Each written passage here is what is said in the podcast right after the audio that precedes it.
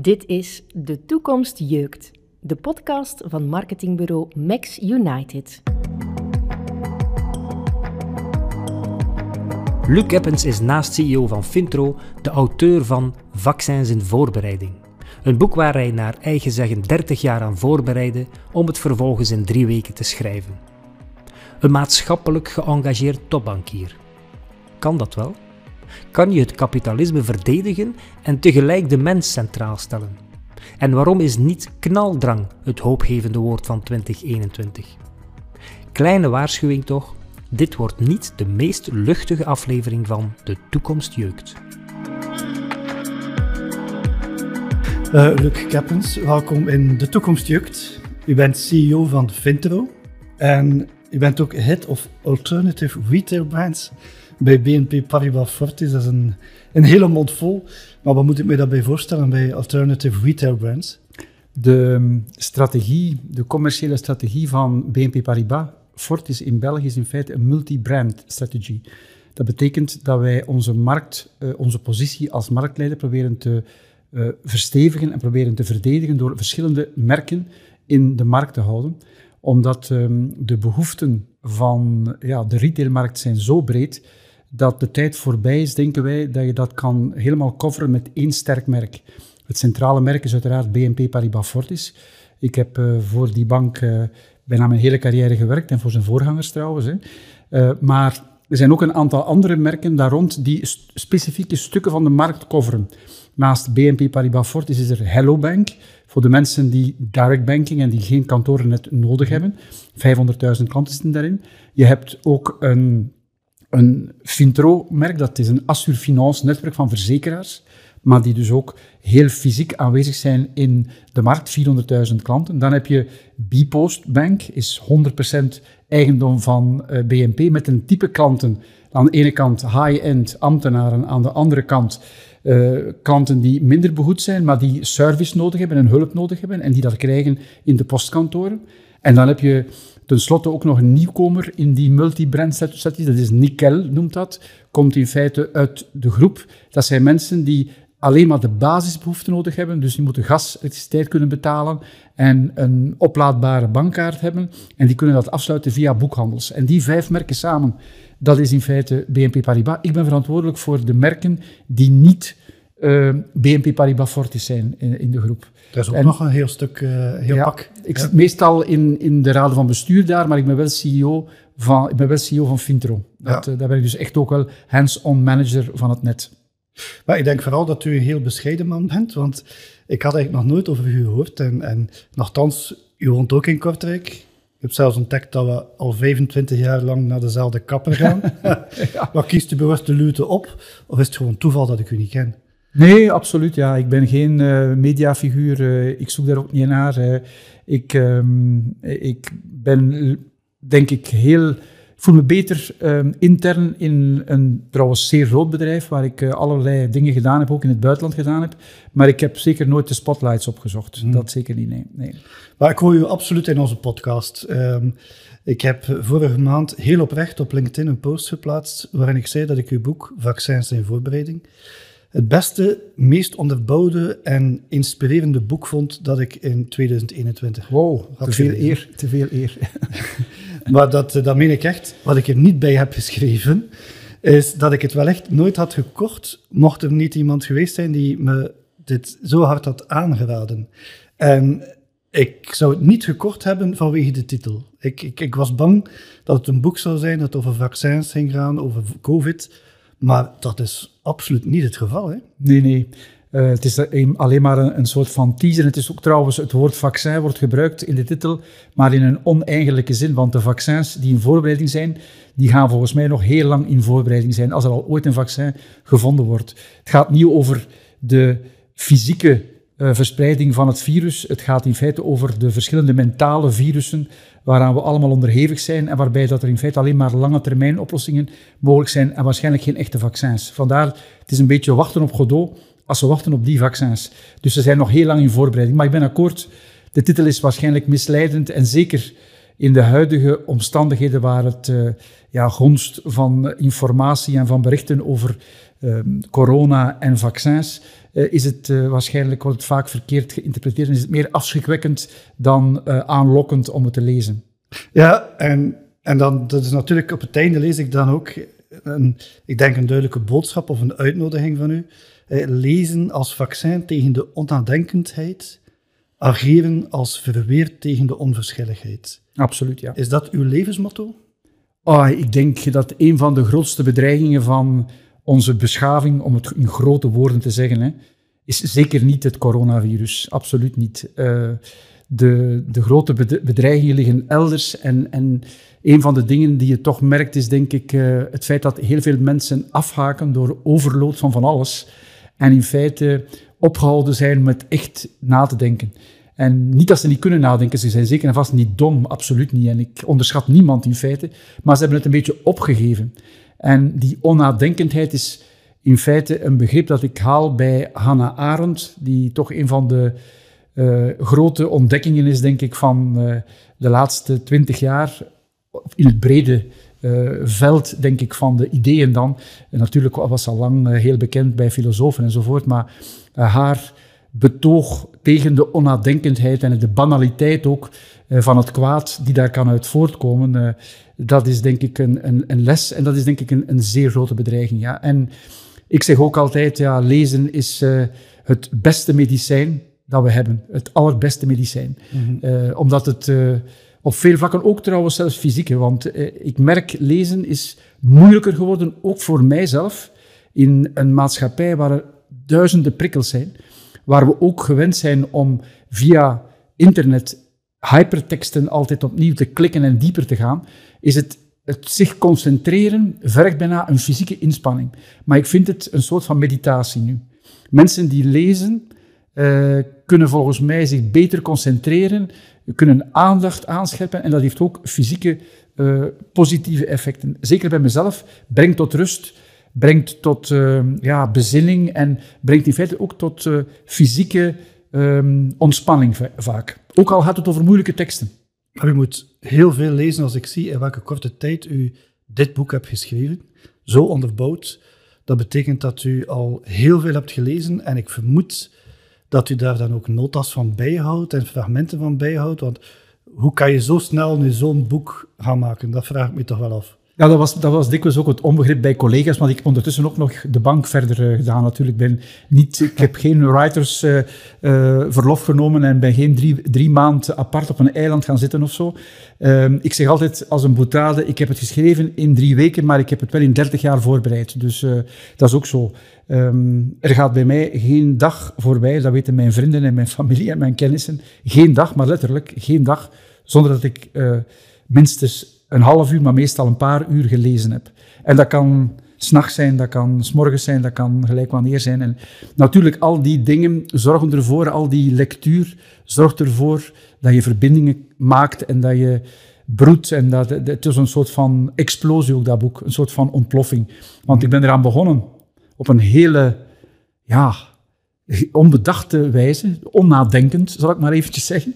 Ik moest een tekstje schrijven voor de agenten van Fintro aan het begin van de lockdown om hun uit te leggen, ja, oké, dat de bank uh, alle mogelijke voorzieningen uh, nam en dat we gingen zorgen dat we zo snel mogelijk terug naar een normale werking kwamen. En terwijl ik dat, dat ik die tekst aan het schrijven was, bij normaal stopte ik en zeg, ja, is dit waar wat ik nu schrijf? Nee. Is dit juist wat ik schrijf? Ook niet. Zit daar iets achter? Ja. En ik heb een aantal notities genomen. Ik heb natuurlijk wel die tekst, want ik moest een, net van duizend werknemers geruststellen. Dat we de dingen onder controle gingen proberen te krijgen. Dat we gingen zorgen dat er continuïteit was. Maar ik dacht erbij, ik ga toch eventjes schrijven wat, ik echt denk uh, daarbij. Wil ik wel terug naar normaal?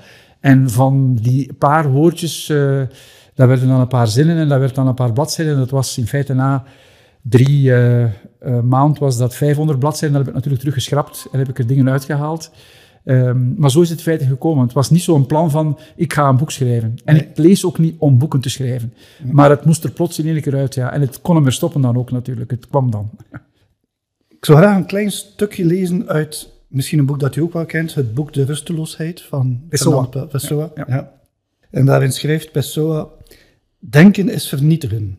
Het denkproces zelf toont dat aan, want denken is ontrafelen. Als de mensen konden nadenken over het geheim van het leven, als ze de duizend en één ingewikkeldheden konden voelen die de ziel bij ieder detail van de daad beloeren, zouden ze nooit handelen. Zouden ze zelfs niet leven. Ze zouden zichzelf doden van de schrik, net als degenen die zelfmoord plegen om de volgende dag niet naar de guillotine te hoeven. Als ik dat lees, dan denk ik, misschien heeft Pessoa wel gelijk. En is onverschilligheid simpelweg de enige manier om te overleven? Ik ben het niet eens. Ben het, ben, ik ben wel een groot uh, liefhebber van Pessoa. Maar uh, ik versta wel wat hij wil zeggen natuurlijk. Hè. Um, uh, denken alleen, dat is inderdaad iets dat zorgt dat je verzandt in uh, moedeloosheid en waarschijnlijk ook in inactiviteit. Um, um, maar denken is wel nodig om actie te richten langs de andere kant. Uh, maar het is wel waar, uh, misschien, ik ga eventjes een, een zijsprongetje maken. Uh, in artificiële intelligentie, waarbij door een denkprocessen handelen wordt in bepaalde kleine componenten geanalyseerd en ontrafeld, om dan terug samen te stellen in een, in een proces, om het dan terug te realiseren, computersgewijs, algoritmegewijs, laten we maar zeggen. Dat is, is er een, een hele beroemde paradox. De paradox van Moravec noemt dat. Het is namelijk zo dat de meest complexe uh, handelingen, denk maar aan uh, computers uh, die spelen tegen Go-spelers of tegen schaakspelers, die zijn relatief snel via algoritmen en, en via artificiële intelligentie, computers die zelf leren, terug weten samen te stellen. Maar de meest simpele handelingen van de mens, een trap aflopen, uh, tanden poetsen, uh, dingen die wij zogezegd onnadenkend doen, 95% van wat we doen, denken we niet bij na, zijn super moeilijk. Dat noemen ze de, paradox van, Mar van Moravec. Uh, geef ingenieurs maar eens de opdracht om zo een paar simpele dingen die wij elke dag, elke minuut doen, helemaal via artificiële intelligentie te ontleden en opnieuw dan door een computer te laten reproduceren. Is bijna onmogelijk, is nog altijd niet gebeurd trouwens. Kan niet. Uh, heel complex intellectuele processen wel. Ik bedoel daarmee, ja, over veel dingen denken we niet na. En het moeilijke om te veranderen is vaak dat er rituelen, gewoonten, uh, ja, ze noemen dat spiergeheugen of motorisch geheugen, dingen die automatisch gebeuren, die we dikwijls ofwel genetisch meekrijgen, ofwel door ons milieu meekrijgen, ofwel door de cultuur waarin we zijn meekrijgen, zonder dat we nadenken, eh, dat die in feite ons handelen ook dikwijls beheersen. Dus in die zin is denken niet zaligmakend, alleen denken paralyseert. Daar ben ik het wel eens met Pessoa. Maar denken is wel belangrijk om te doorzien uh, dat je ook automatismen hebt en dat die misschien vanzelfsprekend zijn, maar daarvoor niet de beste oplossing in een bepaalde situatie. Mm Pessoa was ook iemand die uh, verschillende tientallen persoonlijkheden aannam. Hè. En in elke persoonlijkheid schreven we iets anders. En hij heeft ook, uh, ik kan u dingen citeren, ik kan ze niet uit het hoofd, maar waarbij zichzelf hier zo 100% tegenspreken mm -hmm. ook. Dat is boeiend, uh, inderdaad, ja. een heel boeiend persoon. absoluut, je, ja, absoluut. Een houtboekhouder trouwens. Ja, en, een en ja, inderdaad. Maar u weet, veel schrijvers hebben gewerkt in banken. Kafka was een verzekeringsagent, hij werkte in een verzekeringsmaatschappij. Hè. Ja. Dus uh, ja. Maar terug, een beetje die oppervlakkigheid die we vandaag wel, uh, wel zien en waar tegen u ook wel uh, ageert, maakt dat ik ook vermoed dat u het woord knaldrang zelf niet als het woord van het jaar 2021 zou gekozen hebben. Of ben ik fout? Maar ja, knaldrang, ja, Waarom is er knaldrang in feite? Waarom is er knaldrang? Dat is de vraag. Van waar komt knaldrang?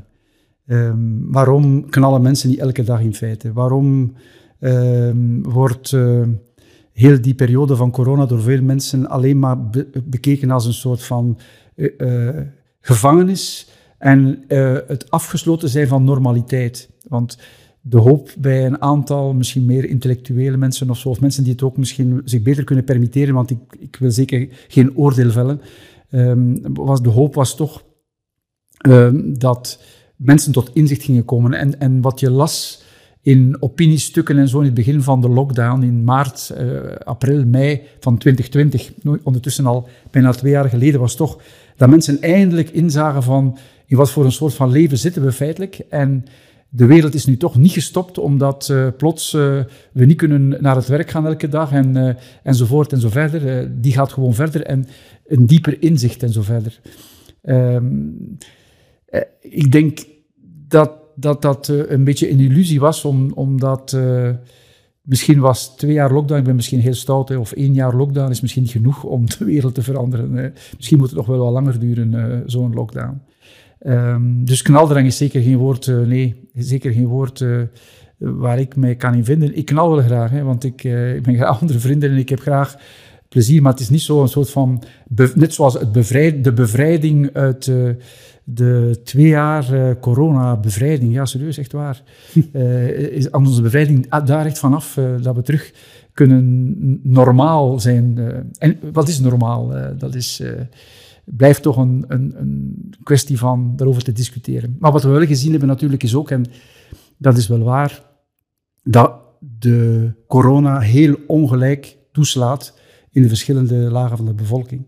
Wij hebben makkelijk praten, of ik heb makkelijk praten. En veel mensen die ik ken in mijn kennissenkring hebben makkelijk praten. Maar als je natuurlijk in Anderlecht of in Molenbeek op een appartementje zit met uh, uh, 30 of 40 of 50 vierkante meter met, met zes of zeven mensen de hele dag, en uh, ja, dan is het natuurlijk een heel ander uh, verhaal. Ik ben er helemaal van bewust. Uh, maar um, de dingen zijn uitvergroot, de dingen zijn soms duidelijker geworden en we kunnen ons niet meer verschuilen dat we het niet weten of dat we het niet gezien hadden. voor mij was het toch een, een, ook een, een periode waarin veel dingen die je theoretisch daarvoor kon discussiëren aan, aan de toog, dat er dingen moeten veranderen, die je plots heel lijfelijk voelde in je eigen leven en dat je rondom je zag in het leven van vrienden en van mensen en van kennissen. En dat is zeker eh, het geval, ja. Knaldrang is voor Luc Keppens zeker niet het woord van het jaar. De zogenaamde crisis biedt kansen, al was het maar om stil te staan bij een aantal economische en maatschappelijke vanzelfsprekendheden. Maar durft Luc Keppens ook kritisch zijn voor zichzelf? Ten slotte kan hij als topbankier bij BNP Paribas Fortis en als CEO van Fintrobank toch wel die noodzakelijke veranderingen kracht bijzetten? Ja, dat is ook een vraag die bij mij opkwam uh, bij het lezen van het boek. U bent niet mild voor de keerzijde van het kapitalisme. Je ziet daar ook wel uh, wat dat teweeg brengt.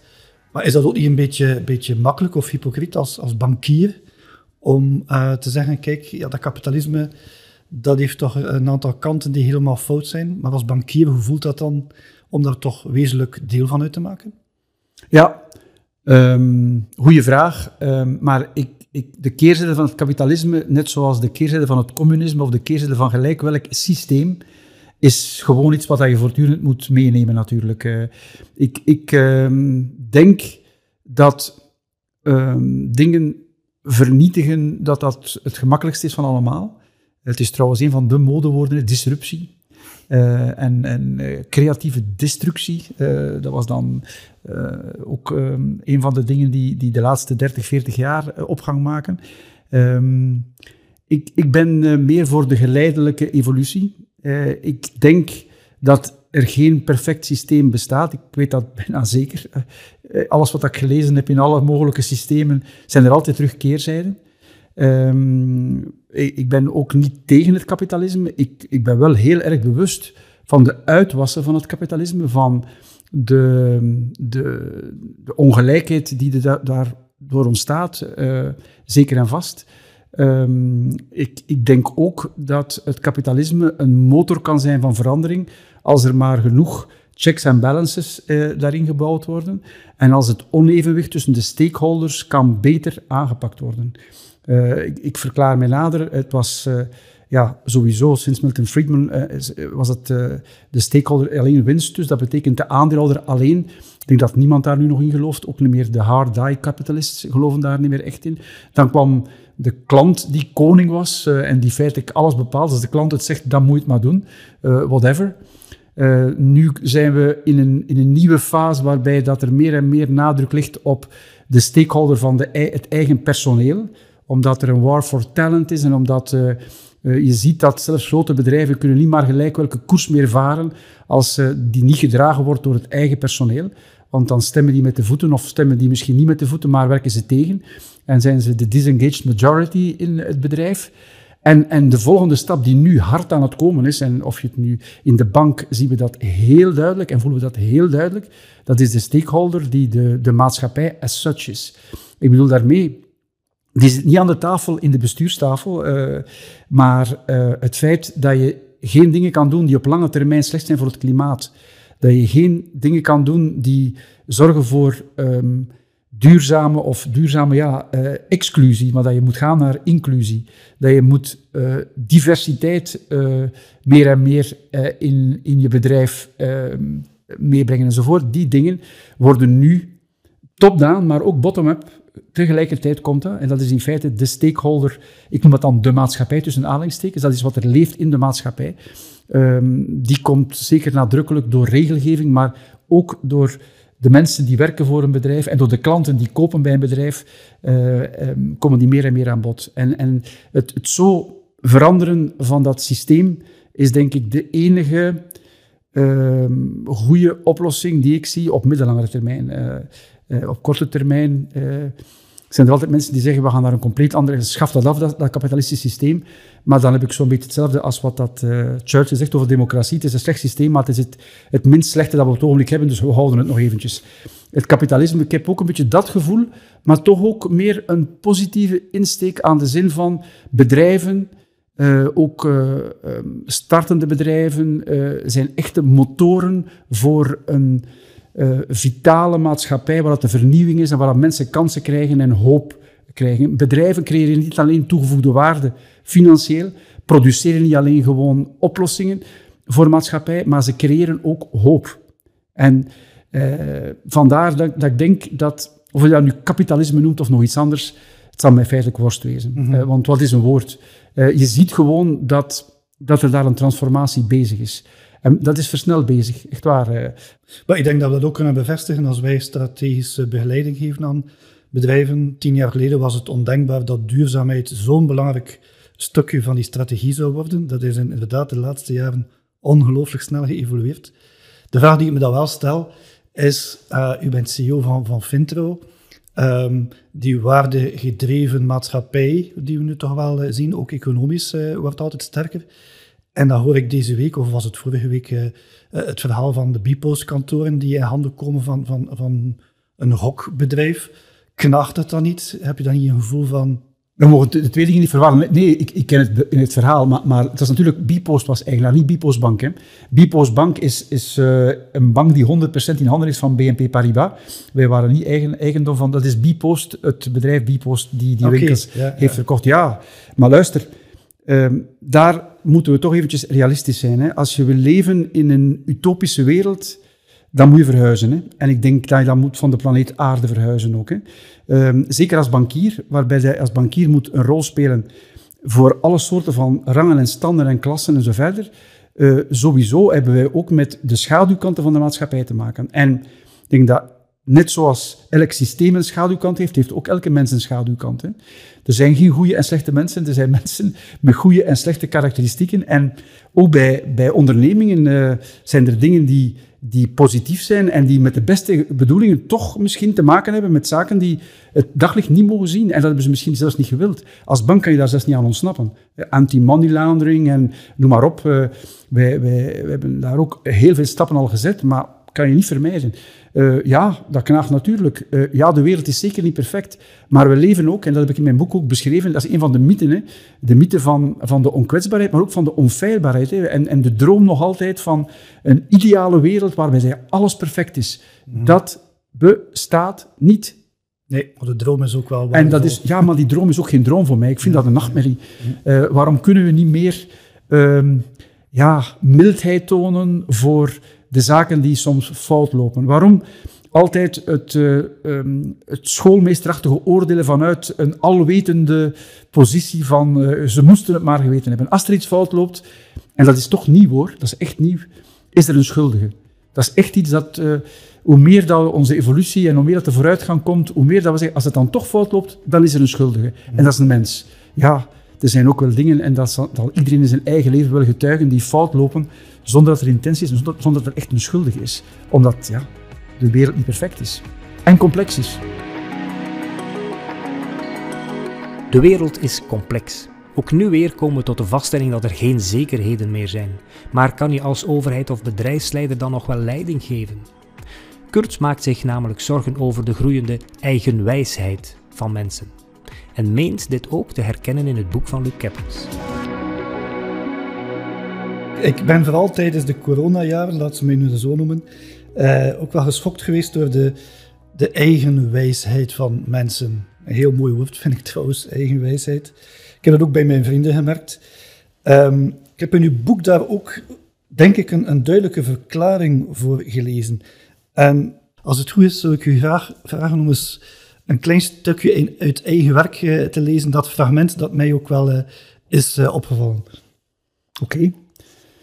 het komt uit het hoofdstuk van de verstarde mythes en de hyperfluiditeit. Oké. Het vacuüm van het post-truth-tijdperk geeft aanleiding tot een blinde tegenstem tegen de gevestigde waarden die zich beroepen op de wetenschappelijke, rationeel onderbouwde orde, het afgewogen compromis, het objectief berekende, rechtmatig deel van eenieder. Wat overweegt is de groeiende zekerheid dat het zo niet langer verder kan. Niet een visie op hoe het verder moet. Zo wordt deze brede laag van misnoegde en miskende burgers een speeltuin voor verspreiders van pseudowetenschappelijke fantasieën en samenzweringstheorieën. Populistische politieke alternatieven die juist wel het volk en zijn gezond verstand beloven centraal te stellen. Maar ook voor een religieuze revival gericht op de vernietiging van de huidige goddeloze, materialistische wereld van kennis en wetenschap ten voordele van een transcendente verlossing.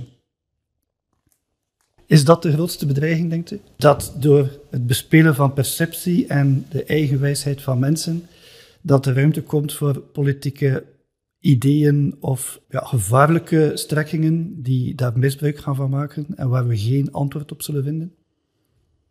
Ja, geen antwoord. Zover zou het niet gaan. Maar het is wel duidelijk dat er een tendens is van polarisering, zoals men dat noemt. Ehm, en die komt omdat brede lagen van de bevolking zich bedrogen voelen. Op een of andere manier. En dat gaat niet alleen over minder geschoolde mensen of uh, uh, minder begoede lagen van de bevolking. Dat gaat over uh, brede laag van de bevolking, een dwarsdoorsnede van de bevolking. Um, dat is denk ik het gevolg van um, een, een management, een managementcultus of cultuur die er ontstaan is. Die komt uit de, de, de bedrijfswereld, denk ik, maar die heeft zich overgezet in onderwijswereld, heeft zich overgezet in de politiek ook, die zich gedesengageerd heeft. Die zegt, we gaan het aan de experten en aan de managers overlaten. En het, eh, de common sense, die vroeger toch vaak ook voor consensus zorgde, die wordt opzij geschoven. Eh, in, in bedrijven, typisch uh, voorbeeld, er, moet een, ja, er moet een verandering komen, er wordt, worden consultants ingehuurd, experten, die met een leger neerstrijken in het bedrijf en die een hele lange studie of een korte studie en dan een PowerPoint-presentatie en dan uiteindelijk tot de conclusie komen van kijk, zo gaan we het oplossen, dat is de enige goede manier. En het personeel, de medewerkers die daar werken, worden in pro forma misschien gehoord, maar ze hebben niet de indruk dat ze echt betrokken zijn en dat ze iets opgedrongen krijgen. Uh, hetzelfde in feite in de politiek vaak. Hè. Er worden maatregelen genomen, maar ja, ondersteund door uh, experten. En de, de wetenschap die daar vaak ook achter zit, die wordt in feite helemaal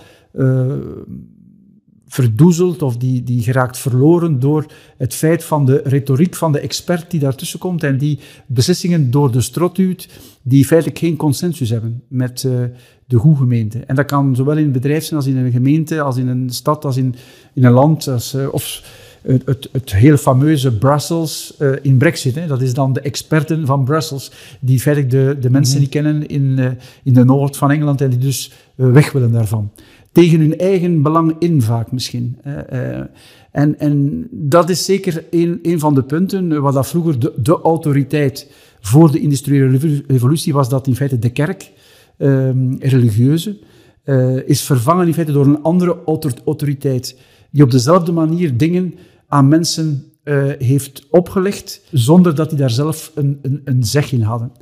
En het enige duurzame, om dan terug over duurzaamheid te praten, is voor, volgens vele politicologen toch ook en, en, en denkers, is dat er een conversatie komt waarbij dat mensen echt betrokken worden. En mensen zijn best in staat tot heel veel begrip en tot heel veel verandering ook als ze er maar bij betrokken zijn. Maar als ze het gevoel hebben dat ze buitengesloten worden, dat er boven de hoofden, ook door wetenschappers, maar soms door politici die meedoen met wetenschappers, of door religieuzen enzovoort, dan, dan, dan is er een breuk en die breuk is reëel. En in die breuk, in die kloof, uh, wordt uh, ja, de, hele, um, de hele trend van um, fake news en zo verder, denk ik, geboren en wordt dat maar groter en groter. Ja. Luisteren naar medewerkers en klanten. Betrokkenheid. Het zijn woorden en waarden die wij ook bij Max United koesteren. Die nabijheid van mensen blijkt gewaardeerd te worden. Niet toevallig is de slogan van Fintro al jarenlang: Gaat ver, blijf dichtbij. En blijkbaar is dit geen holle marketingslogan. Ja, ik moet je ook nog feliciteren. Ik heb vandaag gehoord dat Fintro voor de tweede keer op rij de beste NPS-score heeft. Een heel ander verhaal. De derde keer. De derde keer. De promoter score, ja. ja. Uh, maar ik zie daarin, ja, Fintero positioneert zich ook als dicht bij de klant. U moet heel fier zijn op, uh, op dat resultaat. Absoluut, ja, absoluut, ja. Net Promoter Score is in feite de, de, de score die toont dat onze bestaande klanten zo tevreden zijn dat ze bereid zijn om uh, nieuwe klanten aan te brengen. Dat is ook zo, want ons marketingbudget is in de groep heel beperkt. Wij leven in feite van de mond-aan-mond reclame. En onze netto klantenbasis groeit elk jaar met 3-4 procent, bijna zonder noemenswaardige reclame uh, het is echt puur aanbrengen van andere klanten die zeggen, je moet naar die Fintro-agent gaan. Want daar uh, krijg je ja, de beste oplossing. Niet de beste prijs daarvoor, maar de beste service en de beste totale oplossing. Wel, proficiat met die score. Ik denk dat dat heel belangrijk is. Maar het goede aan het boek is ook dat u hoop geeft. Uh, u ziet ook kansen. Uh, naar het einde van het boek wordt dat heel duidelijk. Hè. Die duidelijke evolutie. U analyseert de problemen en u komt dan ook tot hoopgevende verhalen. En een van de zaken die mij zeer sterk uh, aansprak, ik heb helaas die film nooit gezien, is de film De Man. Misschien moet je toch even toelichten waarom die u zo geïnspireerd heeft. Ja, De, de is, is een film die ik uh, aanraad aan iedereen die hem kan zien. Ehm, zijn twee jonge Franse filmmakers die feitelijk zich de vraag gesteld hebben, ja, hoe kan het anders? Um, en die een beetje de wereld rondgetrokken zijn om een aantal projecten te bekijken uh, uh, van vooral, of bijna uitsluitend alleen projecten van kleinere gemeenschappen, waarbij mensen op een andere manier hun uh, lokale leefwereld organiseren. Dat kan wel zowel economisch zijn als op vlak van onderwijs zijn, als op vlak van politiek, hoe dat ze inspraak willen krijgen. En in, in, het gaat van India naar Finland, naar Frankrijk, naar, uh, naar Engeland, naar uh, Amerika. Ze, ze, hebben echt de, de, wereld rondgetrokken. Elke keer opnieuw, zonder commentaar. Ze laten gewoon de mensen aan het woord. En je ziet gewoon mensen die terug die kloof kunnen overbruggen. Die er geslagen is door experten die het beter weten. Uh, ik, ik reken mezelf ook soms bij de experten als bankier. Ik weet het ook soms beter. Ik zeg ook aan mensen van, dat niet zo niet doen, want, want, want. En nogthans, hè, misschien ben ik fout. Uh, maar, maar dus die, die kloof tussen, tussen de gemeenschap en uh, hoe ze zichzelf moet organiseren, dat komt in de main op een fantastische manier aan bod. Het is ook, ik ben een, een, een cinefiel. Ik ga elke week buiten lezen, dus ook veel films. Sorry, ja, mijn tijd gaat, gaat daar dan voor de rest aan op. Het was de eerste keer sinds heel lang dat ik op, aan het einde van de filmvoorstelling de hele zaal heb weten applaudisseren terug, spontaan. Want eh, er is niemand in de zaal. De, de, de, regisseur is daar niet, acteurs zijn daar niet. Maar um, je voelde gewoon de ontroering in de zaal en, en spontaan barstte er een applaus in de zaal om van te zeggen, ja, dat hebben we nog nooit gezien, of niet gezien. Dus vandaar. Ik heb het nou nu trouwens, en ik heb een tip voor de luisteraars. Als je dat ook wil meemaken binnenkort, dan moet je naar Kortrijk gaan kijken of ergens anders gaan kijken naar een andere documentaire en die ook hoopgevend is. gaat over onderwijs, een van de topics trouwens in mijn boek. Het is een Duitse documentaire, Herr Bachmann und seine Klasse. Eh, die volgt een, een klein klasje van 12, 13-jarigen, laatste jaar van het uh, lager onderwijs, in een Duits industriestadje. Heel divers publiek. Zitten daar kinderen van Bulgaarse, Turkse, Marokkaanse, Kazakse, noem maar op, afkomst. Sommigen spreken de taal ook maar half. En een leraar van 4, 65 jaar, die toont hoe dat de onnadenkendheid in een gemeenschap kan geleerd worden en kan, kan omgekeerd worden in het echt leren denken. Die leraar is formidabel, Herr Bachman. Het is een documentaire. Uh, Maria Speet heeft hem gemaakt, een hele goede documentairemaker. Ook een aantal andere documentaires gemaakt. Deze film heeft een prijs gewonnen. Uh, op, ik denk in de Berlinale of anders in Venetië, weet ik niet meer precies. ze, had 200 uur film. Ze heeft dus echt geleefd een heel semester in die klas. Je ziet ook de evolutie. na een tijdje waren ze gewoon vliegen op de muur. Want als je ja, de hele dag in zo'n klas zit, dan zien ze de camera's niet meer. Je ziet ook echt, het is dus niet gespeeld. En ze heeft dat gedestilleerd dan tot een film van 3,5 uur. Je zal zeggen, dat is lang. Er is geen film die sneller voorbij gaat dan die 3,5 uur. Ja. Zeer ontroerend. En ook daar weer, ik heb hem gezien in Brussel, een paar weken geleden. Voor de eerste keer sinds Demain, drie jaar geleden, spontaan applaus aan het einde van de film. Omdat iedereen zei, wauw. Dit is, uh, en dat kan kunst natuurlijk ook. Hè. Daar schrijf ik in mijn boek ook over. Hè. Kunst kan natuurlijk uh, hoop creëren en, en energie creëren en de positieve dingen uh, naar boven halen. Maakt me heel benieuwd naar die, naar die film. Ja, Herr Bachman en zijn klasse. Uh, als, u ziet, ja, als u die film ziet passeren, u moet gewoon uh, uw agenda, alles schrappen en eventueel een halve dag verlof nemen en naar die film gaan kijken. Dezelfde, dezelfde enthousiasme las ik in uw boek over het verhaal van Watanabe. Ja. Um, ik had er nog nooit over gehoord, maar blijkbaar is dat een zeer bekende oude film. Ja, oude film, dat is typisch. Dat, mensen zeggen een oude film is van 1951. Dat is, dat is nog jong, hè? maar het is een oude film, ik ben akkoord, ja. Het is uh, gemaakt door uh, uh, Akira Kurosawa, de, de Tenno, de keizer van de Japanse film. het grote triumviraat, Mizoguchi, Ozu en Kurosawa. Kurosawa, Ikura, Ikuru noemt in feite is leven, betekent leven. En het verhaal van iemand die verneemt aan het begin van de film dat hij uh, maagkanker heeft, dat hij nog drie maanden leven heeft. En dan ja, de bucketlist, uh, zou ik maar zeggen. Hij probeert van alles.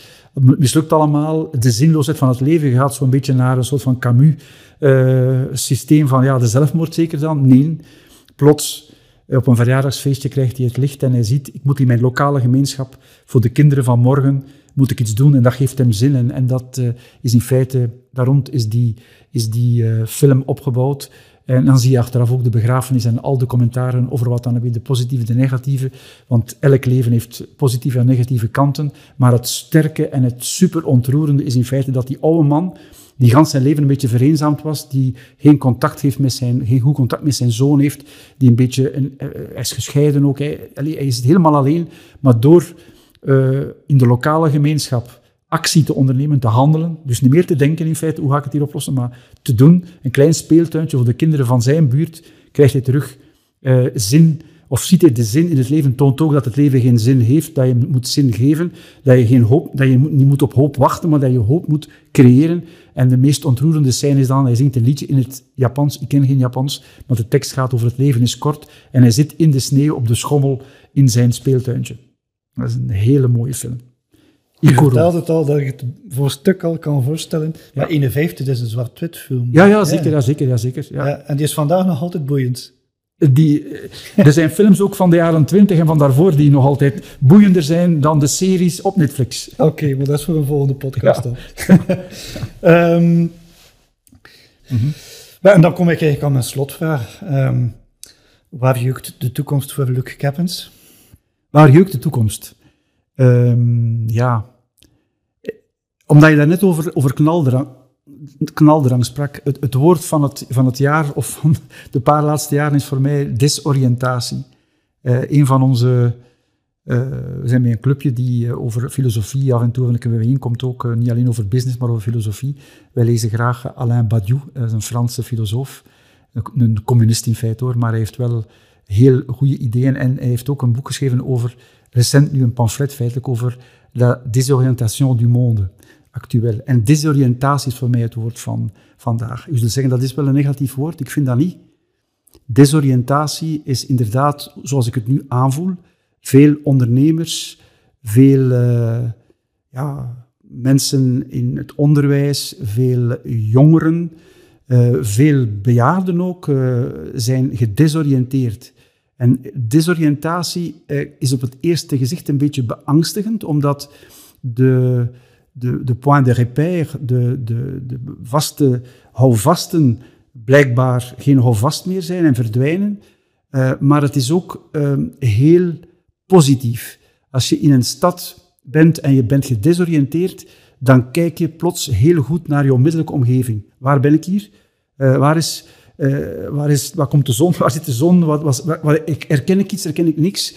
En, en dat is natuurlijk een moment uh, dat op dit ogenblik aan het gebeuren is. Desoriëntatie is een stuk uh, ja, het verliezen van de vroegere oriëntatie, denk ik, maar ook het opnieuw bekijken van de onmiddellijke omgeving, uh, de onmiddellijke leefwereld, maar ook van de ruimere leefwereld, om opnieuw dan vooruit te gaan. Dus een moment zoals dit moment van desoriëntatie, dat gekomen is door corona, zorgt ervoor dat de onnadenkendheid toch op een of andere manier bij veel mensen uh, verdwijnt en plaatsmaakt voor het iets opnieuw nadenken, opnieuw bedenken. Het vanzelfsprekende van vroeger, dat feitelijk nooit vanzelfsprekend is, dat is iets dat anderen u toespreken. Hè? Want niks spreekt vanzelf. Als het vanzelfsprekend is, dan komt het van ergens anders, maar je hebt er niet over nagedacht. Die dingen worden nu wel terug overdacht. En kleine keuzes maken zeker geen nieuwe wereld, maar maken een nieuwe wereld mogelijk. -hmm. uh, het is niet alleen de Watanabes of de mensen van de Main of Her Bachman die de wereld gaan veranderen. Maar het zijn hoopgevende signalen. Dat moet gepaard gaan ook met top-down. Maar die twee bevruchten elkaar. En, en als je erover nadenkt, uh, de politiek en de economie en de kunst en het onderwijs en de media en de technologie, al die zaken zijn met elkaar verbonden. En uh, de complexe wereld, daarin moeten we feitelijk toch wel vooruit. Ja, dus op zich een hoopgevende en boeiende uh, boodschap om mee af te ronden, denk ik. Elke dag met energie terug uh, vooruit. Fantastisch. Mag ik u hartelijk danken voor dit gesprek. En ik nodig u trouwens nu reeds uit voor een vervolggesprek in het jaar 2030. en dat is het jaar waarop Kortrijk de culturele hoofdstad van Europa zal geworden zijn. Dat vermoed ik toch. Absoluut, absoluut. Daar gaan we vanuit. Ja. Hartelijk dank. Dank u. elke dag met energie terug vooruit. Desoriëntatie verplicht je dingen te zien die je vroeger niet zag. Luc Keppens raadt ons aan om dingen echt aan te pakken. Het mag ons dan ook niet verwonderen dat hij initiatiefnemer is van het project Kortrijk 2030, met als droom en doel om van Kortrijk de culturele hoofdstad van Europa te maken. Benieuwd waar jouw zaak zich kan bevinden in 2030? Dan nodigen Kurt en ik je graag uit voor een klankbordsessie. Je vindt alle info op maxunited.be.